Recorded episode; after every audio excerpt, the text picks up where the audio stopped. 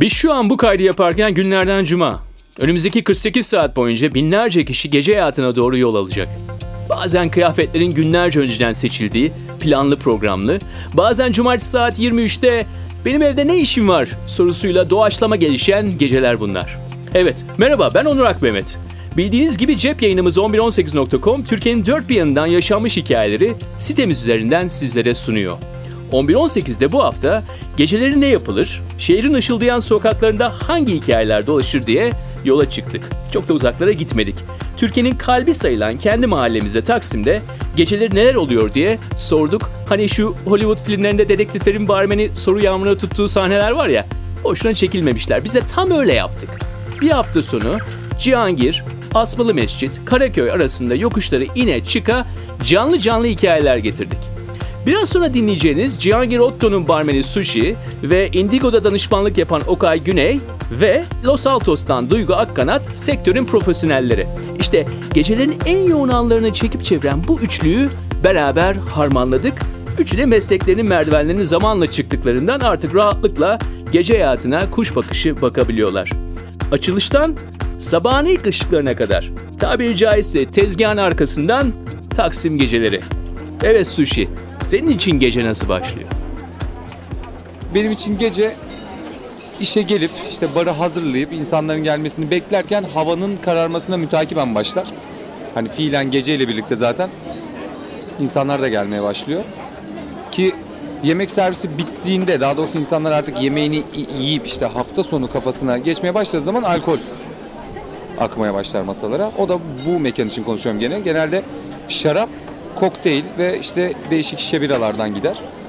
Saat 5-6 gibi müşteriye kapılarımızı açıyoruz. Birazcık daha sakin bir müzik, canlı müzik eşliğinde caz müzik yapıyoruz zaten. Tamamıyla yemek havasında insanların e, yemeklerini yerken muhabbet edebilecekleri, eğlenebilecekleri bir ortam yaratıyoruz. Yaklaşık saat 10.30-11'e kadar mutfak açık kaldığı için yemek servisi dönüyor. Bittikten sonra birazcık daha işte o yani hareketlenmeye başlıyor ve daha sonrasında hafif böyle DJ performansı eşliğinde geceye devam ediyoruz. Uzun bir operasyon değil aslında. Yaklaşık olarak 6 saat sürüyor. Diğer restoran varlara hitaben. Ama e, yoğunluk olarak birçoğundan daha fazla yoğun bir hale gelebiliyoruz. Çünkü her türlü insan geliyor. Yani saat bir buçuk gibi daha çok hareketleniyor zaten. Açılışta herkes gelmiyor çünkü artık öğrendiler. Ana DJ'in çıkış saatlerine hitaben saat bir buçuk sularında geliyorlar. Bir buçukla üç buçuk sular aralarında e, daha çok geceleri yaşayan insanlar var. Onlar daha çok dükkana geliyorlar açıkçası. Hani her yerde göremeyiz onları zaten. Genelde o saatlerde bitiyorlar çünkü. Asmalı'da sandalye masalar varken işler çok güzeldi. Herkes Asmalı Mescit, Asmalı Mescit diyordu. Daha sonrasında sandalye masalar kalkınca insanlar birazcık uzaklaştılar. Bu 10 senelik hani gözlemlediğim benim şu, evet müşteri portföyü inanılmaz değişti. İnanılmaz derecede çok farklı kesim var şu an Taksim'de. Ama Taksim'i sevenler de hala da Taksim'e gelmeye devam ediyorlar. Yani şöyle söyleyeyim hani sonuç olarak global bir, bir yer burası yani. Her çeşitten dediğin gibi bir yer var. Herkesin takıldığı saatler değişiyor. Şimdi türkü barlara giden insanlarla, restoranlara gidenler, kulüplere gidenler. Gece içerisinde o yüzden de hani belli saat aralıklarında istiklaldeki insanlar tip olarak değişmeye başlıyorlar. hafta içine yayılımını söylersen eğer e, hafta içleri biraz daha underground iş yapanlar geliyor buraya. İşte müzisyenler, işte yönetmenler, aktörler, aktrisler, ikinci sınıf yazarlar, üçüncü sınıf reji şeyleri bilmem neler çalışanları falan. Onun dışında gelen yaş ortalamam genelde 30 artı. 30 artı bir müşteriye sahibim. Farklı bir deneyim sunuyoruz çünkü biz burada insanlara. Tamamıyla Meksika restoranı ve Türkiye'deki şu an ilk Meksika restoranı biziz. Diğerleri Tex-Mex ürünler falan yapıyorlar. O yüzden insanlar buraya birazcık daha bilinçli geliyorlar. Bu yemeği yemek, bu kültürü anlamak, neyin ne olduğunu bilmek için. Tabii ki sürekli gördüğüm insanlarla daha sık gördüğüm insanlar arasında fark oluyor. Hani ziyaret eden oluyor. Yani sadece beni ziyaret etmek istemeyip hani dükkandaki o gün kalabalık içinde yaşamak için de beni bahane edip gelmek isteyenler de oluyor. Hani ya o hani görüşemiyoruz bayağıdır. Hani bir gelsen bir görüşsek filan. E gel tamam ben buradayım. Yok işte ben gece 11.30'da geleceğim. E pezemek niye 11.30'da geliyorsun? İşte sebebi bu. Hani aslında benimle alakası yok. Bana ne haber deyip bir bedava içkimi alırım. Keyfime bakarım modunda biraz yani. Böyle şeyler yaşıyoruz maalesef. Bazen gelen müşteriler oluyor. İşte yanında kızlarla gelen biraz daha böyle teenager tipler. Hani ben bu mekana çok hakimim, çok biliyorum. İşte çok da güzel mekan. Bu konuşulanları bara yürürken duyuyorum ben zaten. Bara geldi mesela şey diyor. İşte terasa nereden çıkabiliriz falan. Ama bizim terasımız yok işte sıkıntı orada. Ya da asansör neredeydi? Vallahi yanda bir bina var onun içindekini kullanabiliriz ama gideceğiz yere göre değişir. Öyle kendileri bozmaları falan eğlendiriyor beni biraz. Genelde çok yani 500-600 kişinin geldiği gecelerde en az kapıda kapıda bizim gece içerisinde en az 150-200 kişi benim adımı veriyor. Ben de bunu tabii güvenliklerden kapıdaki e, sorumludan öğreniyorum. Hani eskiden şöyle gelirlerdi. İşte Okay senin bir arkadaşın gelmiş. E evet. Kim? Ahmet'miş. Ahmet kim?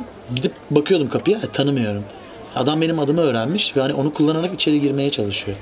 Şuna yani enteresan bir hikaye yaşamıştım konuyla alakalı. Bir gün hani çalışıyorum. Dükkanda daha yoğun yeni başladı. Ama gece kalabalık olacak. Kapıya biri gelmiş. Bizim işletmecimiz işte dedi ki yani Okay dedi üç tane kız var dedi. İşte senin arkadaşınmış dedi. Dedim ki yani benim arkadaşım ya beni arar önceden geleceği zaman dükkana. Neyse dedi ki bir bak dedi kim falan. Baktım. Dedim ki ben bunların hiçbirini tanımıyorum. Ama işletmeciden şöyle enteresan bir hareket geldi. Abi kızlar güzelmiş bence bunları içeri alalım diye. Yani orada da tabii bazen böyle yeni insanlarla tanışabiliyoruz İslam dışı.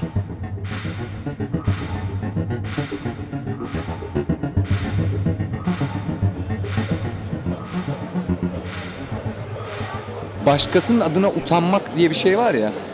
Hani bir komedi filmi izlersin oradaki salak karakter düşer veya böyle bir pot kırar ah dersin falan. O ahı yaşattıkları zaman bana kötü hissediyorum falan. Mesela işte bir kadın vardı bir kere gördüm. Ee, hastanede bana bakan doktorla birlikte gelmişti. Doktorla da çok sohbetim yok. Hani hastaneden şeyimiz var. Adamla selamlaştık. Birer şat ikram bir şey gönderdim masaya. Sonra o kadın bir daha geldi. Yanında bir elemanla. Geldim orada sanki askerliği birlikte yapmışız. Öyle bir diyaloglar, muhabbetler falan. Ama bir de konsantre muhabbet yapıyor. Bir dakikaya sığdırdı her şeyi. Sonra adamla birlikte masaya giderken bize şöyle o günkü gibi böyle çok güzel işte sert kokteyl gönder falan dedi. E olur dedim ben de. İki tane kokteyl yapıp masaya gönderdi. Sonra bir hesap durumu olmuş. Kadın şey şimdi adamla da ilk kez çıkıyorlar anladığım kadarıyla. Kadın şey demiş olur mu ya barmen ikram etti bunları falan demiş. Garsonlar da gelip bana sordu. Dedi böyle bir ikram var mı? Dedim yok tabii ki. Hani arkadaşım değil, muhabbetim yok. Bir selam vermişiz bir kere birbirimize. Ve hani neredeyse ikisi 100 lirayı bulan bir hesap var masada. Ben de ikram etmedim. Yani etmedim. Neyse sonra kadın şey demiş çocuğa. Ben bir gideyim geleyim o zaman deyip masadan ayrılmış. Çocuk da bara geldi. Ya dedi kusura bakmayın falan filan. Ben size arkadaş sanıyorum. Dedim ben ikinci kez görüyorum. Hani siz dedim en azından. Tamam. Hesabı en azından siz kapatın. Sonra dedim hesaplaşırsınız. Biz de ilk kez tanıştık çıktık öyle falan dedi. Ya velhasıl kelam adamın da üzerinde para yokmuş. Bekledi bir arkadaşı geldi falan. Büyük rezillik oldu. Ya ana konuya dönüyorum. Ben utandım durumdan ve rezillik çünkü. E, Yani dediğim gibi burası zaten bir kulüp olduğu için o e, tipleri yakalamak çok basit aslında içeride. Hani o adamın aslında o burayla alakası yok. Hani adam buraya eğlenmeye gelmemiş. Hani belli ki kovalıyor içeride. Doğru yakalamaya çalışıyor. Yani başarılı olan var, olamayan var. Ama tabii başarılı olan biri olursa bizim için de artı oluyor. Çünkü yani yakaladığı zaman kişiyi sürekli bir içki tüketim haline giriyorlar. Daha doğrusu ısmarlama, yani yanındaki kıza sarhoş etmek gibi emelleri olan insanlar var. E tabi bu da bana maddi anlamda bir ciroya neden oluyor. O yüzden de hani bazen işime geldiği durumlar oluyor. Tamamıyla zaten hani insanları asla böyle dış görünüşle vesaire yargılamam. Ama gerçek anlamda artık insanlar bu şekilde bile kendilerini çok fazla belli etmeye başladılar. Bunu hepimiz yaşamışızdır. Bizler de sıçtık, takıldık, ettik, her şeyi yaptık. Fakat biz de mesela eskiden şey dedik ya Beyoğlu'na gidiyoruz birazcık işte bir topuklu giyelim, etek giyelim, makyaj yapalım, güzel olalım. Şu an çıktığım zaman şey böyle hani inanamıyorum mesela anlatabiliyor muyum? Yani hani öyle bir müşteri, öyle bir e, gençlik var ki Beyoğlu'na takılan. Biz de mesela altımızda eteklerle, topuklu ayakkabılarla oturup sağda solda çok fazla içtik, takıldık ama her zaman hani kıyafetimize, davranışlarımıza çok dikkat ettik. Ya biz ilk başta burayı açarken A ve A plus müşteriye hitap etmek istedik fakat Beyoğlu'nda böyle bir müşteri kitlesi yok. Eskiden vardı. Son bir veya iki senedir falan bu müşteriler birazcık daha Karaköy ve Bebek tarafına kaçmaya başladılar. Öyle bir nesil geliyor ki genelde şunu yapıyorlar. Bir mekana saat 11-12'de giriyorlar. Sabah saat 4'te 5'te çıkıyorlar veya saat 6'da 7'de 8'de masaya oturup yemek yiyip iki kadeh bir şey içip 11'de 12'de eve giden kitle var. Yani iki ayrı bambaşka yaşayan kitleler var. çok değişik bir mevzu var. İşte cuma günü çok yoğunsa mesela çalıştığımız dükkanlar cumartesi daha az, az yoğun oluyor. Hani şey değil. Cuma ve cumartesi inanılmaz yoğunda olan günler çok azdır. Genelde iki günden birinde ağır patlar.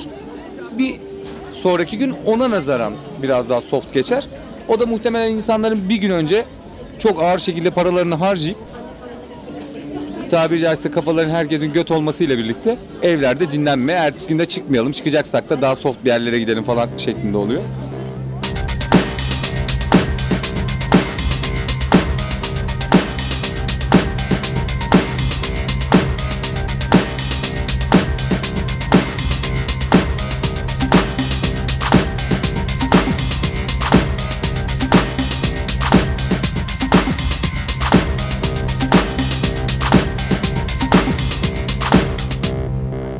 Çok yoğun olan gecelerde tam randımanlı kalabalığı yakaladığımız zaman tabii ki ufak sürtüşmeler olabiliyor. Ama tabii bunları minimumda tutmaya çalışıyoruz. Yani genelde kapıdaki güvenliklerin seçmesi ve içeride bulunan güvenlikler zaten bunu engelliyor. Ama tabii engellenemediği zamanlarda oluyor. Hani birden ani çıkan kavgalar birçok şey sebep olabiliyor ama dediğim gibi en ne kadar hızlı müdahale edersen oluyor o kadar hızlı bir şekilde çözümlüyorsun aslında. Mekan içinde olduğumuz için başlayan kavgalar çok hızlı bir şekilde başlatan arkadaşların dayak yemesiyle son buluyor. Ben hiç görmediğim karate teknikleri gördüm mesela o kavgalarda. İşte adamın kafasını tutup arkasından tekme atmacalar falan. Bunlar iki kişi masada oturuyorlar. Nasıl yani nereden patladığını bilmiyorum ama elemanın böyle işte güvenliğe atar yaptığını gördüm. İşte biz de işte ba- ne bahçeli evler çocuğuyuz işte şu bu falan güvenliği de tanıyorum. İkiye böler içine bakar hangi materyalden imal ettiler lavuğu diye. Yanlarında kız var diye de güvenlik alttan alıyor. En son şey dedi. Burayı kurşunlattığım zaman görürsünüzü o cümle işte son noktayı ben göremedim. Eleman görmüştür ama muhtemelen. Sonra bir ara paspas yapıyorlardı bunu. Şeyde asfaltta. Sonra işte şeyin e, masanın üstündeydi falan. Çocuk için kötü hamleydi. Çünkü mekancı her zaman döver. Niyeyse bunu unutmuş. Alkollü bir ortamda çalışıyorsunuz. Yani bunu herkes kendinden pay biçmeli bence. Hepimiz alkol aldığımızda kişiliğimiz bambaşka bir şekilde bürünmeye başlıyor. Yani bu noktada insanlar çok fazla aşırı tepkiler verebiliyorlar. Çok yanlış şeyler yapıyorlar. Ya benim yaşadığım en kötü şey ben dördüncü senemdeydim bu sektörde. Çok alkol insanla uğraştım. Çok erkekten de çok yanlış şeyler de gördüm. Fakat sadece bir kadın e, parasını vermesi gerekirken parasını vermeden çekti gitti. Çok güzel bir dille para almam gerektiğini söyledim. Bana tokat attı küfür ederek. Ben de çok sinirlendim. Müdürüme şikayet ettim. Daha sonrasında onunla konuşurken bir anda üzerime saldırmaya başladı. hani normalde hiç yapmayacağım bir şeydi mesela. Ben de ona saldırdım çünkü hani herkesin bir sınırı vardır. Ve artık iş hakaret boyutuna gelmişti. Ve artık hani tokatlaşmaya, vurmaya vesaireye gelmişti. En kötü bana oydu, oydu herhalde çünkü o kadar sinirlenmiştim ki kızın burnunu kırmıştım. Hastanelik olmuştu. Bayağı ameliyat falan olması gerekti. Herhalde en kötü anım buydu. Yani çok pişmandım bundan sonrasında zaten kızı aradım, özür diledim vesaire falan. Ama herkesin işte bir cinnet anı oluyor. Ki onu ilk defa yaşadım. O saatten sonra daha sakin kalmayı, daha oturaklı olmayı, en azından daha alttan almayı öğrendim. Sınır var aslında şöyle söyleyeyim bir ahlak sınırı var. Bir de davranış sınırı var. Şimdi taciz gibi. Tacizden kastım şu hani lafla veya hani sürtüşme yaratan insanlar veya hani yanlış cümleler kullananlar. Terbiye sınırını geçenler aslında biraz da. Hani bize karşı olsun, etraftaki insanlara, diğer müşterilere karşı olsun. Hani bu biraz e, sükuneti sağlamak için insanları dışarı almamıza sebep oluyor. Sevgililerin kavgaları çok denk geliyor işte. Erkek kızla kavga ediyor ama artık fiziksel şiddet var yani. Kız hırpalanıyor sevgilisi tarafından. Böyle takılırken işte kızı bayağı saçından tuttuğu eleman yere yatırıp sürüklüyor. Bayağı sürüklüyor yani. Biz de müdahale etmekle etmemek arasında gidip geliyoruz. Çünkü bu kadar yıldan sonra aldığın bir ders varsa sevgili kavgasına girdiğin zaman her zaman sen zararlı çıkarsın. Dövsen de dövülsen de sonuçta genelde kızlar yapıyor bunu. Kız çocuğu yerden kaldırır. Bir şey oldu mu aşkım der. Onlar kol kola giderler. Sen de pansumana gidersin orada. Velhasıl gelen bu kavga da aşağı yukarı öyle oldu. Çocuğun kafasına sandalye falan kırdılar. O işi yapan çocuğun oradaki esnaf. Finalde çocuk şey kız çocuğu yerden kaldırdı. Birlikte pansumana gittiler yani. yapacağım yanlış bir hareket beni burada çok kötü bir şekilde kirletebilir insanlar tarafından. Hani mesela ani bir tepki alırsın. Aslında bir özgüven gelir sana birden. Yapmaman gereken bir şey. Hani birine bir yavşama modu diyeyim. Argo tabirle. Sert bir tepki alırsın. Ama o aldığın tepkiyi şöyle geçebilirsin. Ya aman ne olacak ki dersin. Ama işte o öyle olmuyor. İlerleyen günlerde şöyle sorunlarla karşılaşırsın eğer bunu yaparsan. Yani karşılaşma ihtimalin oluyor. Çünkü seni bitirmek isteyen adam da olabiliyor içeride. Ee, içerideki başka bir kıza söyler o kız. Der ki işte ya şu yavşağı görüyor musun? Bana yavşadı falan. İşte bu ip ne herif? İşte bu pezevenk gibi çeşitli şeylere maruz kalabilirsin. Yani bu riski almamak için elinden geldiği kadar usturuplu olman lazım. Şöyle ben bunu hep söylemişimdir. Bu sektör kadınlara göre bir sektör değildi. Altını çiziyorum çünkü şöyle 3 sene öncesine kadar değildi. Çünkü 3 sene öncesine kadar bu sektörde şöyle bir mantık vardı insanların gözünde. Ya of işte garson, işte barmen. Hani bu meslek değildi. Bu tamamıyla insanların üniversite zamanında kısa yoldan para kazanma şekliydi.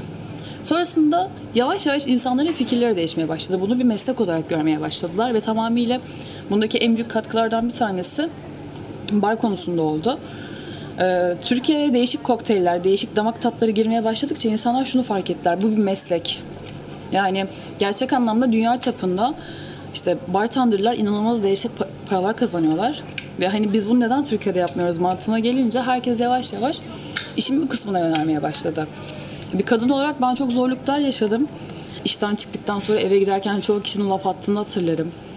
Ama tamamıyla ben şuna veriyorum. İnsanlar bilinçli değillerdi. İnsanlar bunu bir meslek olarak görmüyorlardı. O yüzden her seferinde kadınlara bir ön yargıları vardı işte. Ya kadın işte barda çalışıyor, gece hayatında çalışıyor. Kesin hani herkese takılıyordur. İşte insanlar bunu yavaş yavaş yendiler. Bunu bir meslek olarak, görmeye başladılar.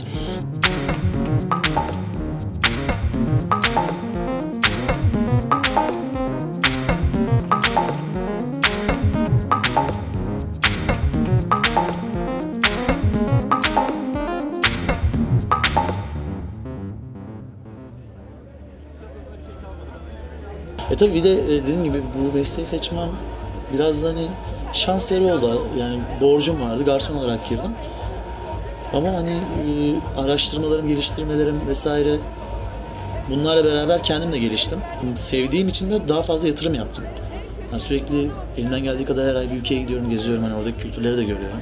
Bar konusuyla alakalı. Aslında dünyanın hiçbir yerinde 24 saat müziğin, alkolün, yemeğin hiç bitmediği tek yer benim gözümde Taksim mesela. Yani atıyorum Amerika'ya gittiğinizde elinizde birayla, kokteyle dışarıya çıkamazsınız. Alkolle yürümeniz yasaktır. Çok ciddi cezaları vardır bunun ama Taksim'in her bölgesinde yani İstanbul'un da oluyor ama genelde Taksim'in her bölgesinde elinizde gece saat 2'de 3'te alkolle dışarı çıkabilirsiniz, gezebilirsiniz, takılabilirsiniz. 12-13 tane ülke gezdim şimdiye kadar. Ama yani bizim kadar gece hayatının hiç bitmediği bir yer görmedim. Yani bizde hala saat 5'te hala mesela sokaklar dolu, oralar dolu. Hani İspanya'ya gittiğimde mesela saat 10'da her yer kapalıydı. Yani teker bayiler vesaireler. Ama Avrupa'nın birçok yerinde böyle. Hani gezdiğim her yerde mesela saat 5'lere 6'lara kadar bilmem ne yani imkanı yok. Birçok yerde hayal kırıklığına uğramıştım aslında. Yani kıyaslayabileceğim çok da fazla bir yer yok İstanbul'da. Biz bu konuda biraz enteresanız. Zaten enteresanız zaten hani gelen turistler de buna şaşırıyor. Mesela Amerika'da genelde saat gece 2, bazı mekanlar 4. Gece kulüpleri de 5 dedim mi kapanır. Yani çok netler o konuda. 5 ise 5'te kapanır. 5'i 1 geçmez.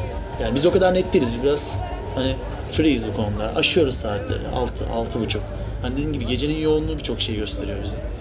Gece saat 4'ten sonra şey olur mesela böyle işte ben kimle sevişeceğim ya falan muhabbetleri dönmeye başlar. Herkes sağını solunu bir keser. Bu her yer için geçerli. Sırf bizim gittiğimiz yerler için değil. Çünkü alkoller alınmış, işten çıkmışsın yorgunsun. Perfect night yapmak için bir abla veya ablalar için güzel bir abi bulmak esas. Bir kere şey tabir ederiz biz. Çok kalabalık olan böyle çok diğer semtlerden insanların geldiği günlere işte kamyonla Apache yıkmışlar istiklale bilmem ne. İşte askerlik şubesi boşalmış falan gibi. Çok fazla erkek oluyor ve zaten e, bir yere alınmayan adamlar bunlar anladın mı? Hani 5 kişisiniz sizi kim ne yapsın nereye gireceksin yani 5 sapla. Başlıyorlar bunlar istiklalle yürümeye, volta atmaya öbek öbek. İşte belki sarhoş bir abla düşer de eve gidip full koleksiyonumuzu gösteririz fantazisiyle ki ben hiç görmedim o sarhoş abla düşürenlerden. Hani bazen içeride bir 10 kişiye takıldığımız oldu. Mesela saat 3.30'da 4.30 arası insan kalmadı. Ama kapatamadık. Çünkü e, belirtilen bir saat var. O dilindeki insanları da mağdur etmemek için kapatamıyorsun. Kimsenin kalmaması lazım. O zaman da bayağı bir can sıkıcı bir hale gelebiliyor tabii. Hani bitmesini bekliyorsun sürekli. Kaçıyorsun, dışarı çıkıyorsun, hava alıyorsun, geliyorsun. Hala devam ediyor falan. O son kalanlar artık o masada kusanlar falan var ya onlar. Biz en son giderken arkadaşlar kapattık artık buyurun sizi şöyle alalım uyarısına kadar kalırlar. Genelde zaten son kalan müşteriyi o şekilde çıkarırsın. Hani ben hiç kendi iradesiyle "Hı, yeter oturduğumuz artık hadi evimize gidelim falan diyen görmedim. Keza sen de görmemişsindir. Tabii ki çok sıkıldığımız günler oluyor. İşin çok düşük olduğu, işte ne yapacağız, nasıl çevireceğiz dediğimiz günler oluyor. Fakat ben bunu hep söylerim. Bu sektör benim için en eğlenceli sektör. Ya çocukluğumdan beri zaten ben gece dışarıda olmayı isteyen bir insanım. Hani hiç böyle evde olmak istemedim. Dışarıda olmak daha cazip geliyordu bana. Daha çekici geliyordu. Çünkü gece işin en çok zevkli olduğu nokta aslında. Hani çok farklı insanlar görüyorsun. Hani sabah o insanların birçoğunu göremezsin. Gece o bakımdan zevkli oluyor. Çok geçe kalmıyorum çünkü restoran olduğum için benim mesela 2, en geç bazen 3'te bitiriyorum dükkanı. Ondan sonrasında herkes kendi yoluna gidiyor. Eğlenmeye çıkıyoruz arkadaşlarla. genelde şöyle zaten Q da bizim bünyemizde bize ait. Biz genelde hani buradan çıktıktan sonra Q'ya iniyoruz. Q'da devam ediyoruz. Veya işte Taksim bölgesinde bir şey yapmak istiyorsak genellikle Indigo'yu tercih ediyoruz. Hani çünkü ben ve benim arkadaşlarım genelde elektronik müzik dinleyen insanlar. Hani burada kaliteli müzik dendiği zaman şu an için bir Indigo bir de Q kaldı o konuda. Hani bu tatlı yerlerde çalıştıktan sonra bir dıptıs dıptıs takılayım. Veyahut da işte hadi buradan da meşine gidelim, elektronik kafalara girelim falan kafasına girmiyorsun. Zaten arkalı önünü düzelttikleri için seni burada çalıştığın mesai saatleri içerisinde sen de tekrar bir düzleme yatıp içtiğin içkiyle şişip normal konumuna dönmeye çalışıyorsun. Çok fazla böyle bir gece aleminde takılmışlığım olmuyor açıkçası. Çünkü yıpratıcı bir iş. İyi dinlenmek gerekiyor. Başkasının aldığı zevki alamıyorsun. Çünkü adam buraya eğlenmeye gelebilir müşteri.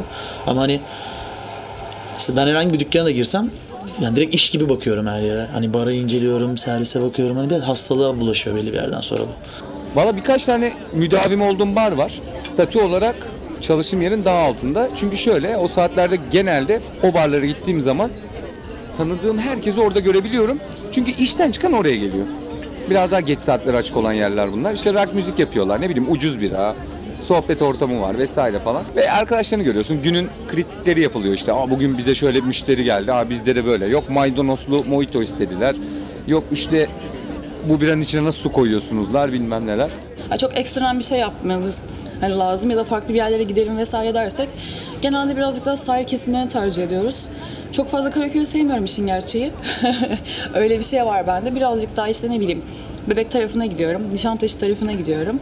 Arkadaşlarla oturup bir iki kadeh bir şeyler içip atıyorum 1-2 saat onlara eşlik ediyorum. Cuma veya cumartesi mutlaka ben de dışarıda takılıp eve giderim, içerim de. Zaten asıl heyecan oralarda başlıyor işte buradan çıktıktan sonra. Çünkü bizim çıkış saatimiz insanların artık böyle işte göt olmana çeyrek kala falan ya da göt olmayı çeyrek geçe olduğu için bütün manzarayı dışarıda böyle en şey haliyle görüyorsun.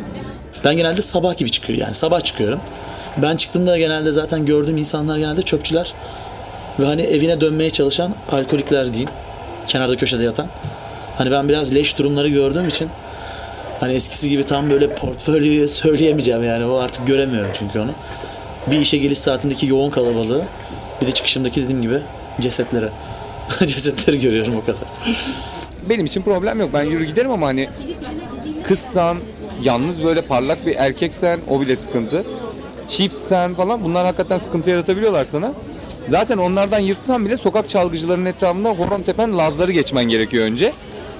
Ondan sonra işte türkü söyleyen ablanın etrafında oturan bir çember falan. Kırılan şişelere de basmayıp yere kayıp bir kusmun üstüne kapaklanmazsan sağ salim eve gidiyorsun.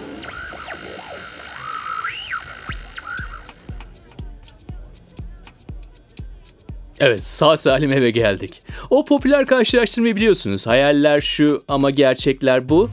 İşte Taksim gece hayatı bu tamlamaya çok müsait. Bu alemde her hafta sonu en sıcak muhabbet, en iyi kokteyl, en iyi abi abla rüyasıyla yola çıkılıyor. Gerçeklerde ise portfolyo gayet geniş. Asfaltta paspas olmaya kadar da yolu var. Ama İlhan Berk'in dediği gibi kırarlar diye hayal kurmaktan vazgeçilmez. Hikaye avcımız Yağmur Gündüz'ün yapım ekibinde yer aldığı Şehrimde Bir Gecenin ilk bölümünün sonuna geldik. Sushi, Okay ve Duygu gecelerin perde arkasını sizin için araladılar. Peki siz geceleri ne yaparsınız? Sizin şehrinizde bir gecede neler oluyor? Paylaşmak isterseniz kayıtlarınızı 1118.com'a gönderin.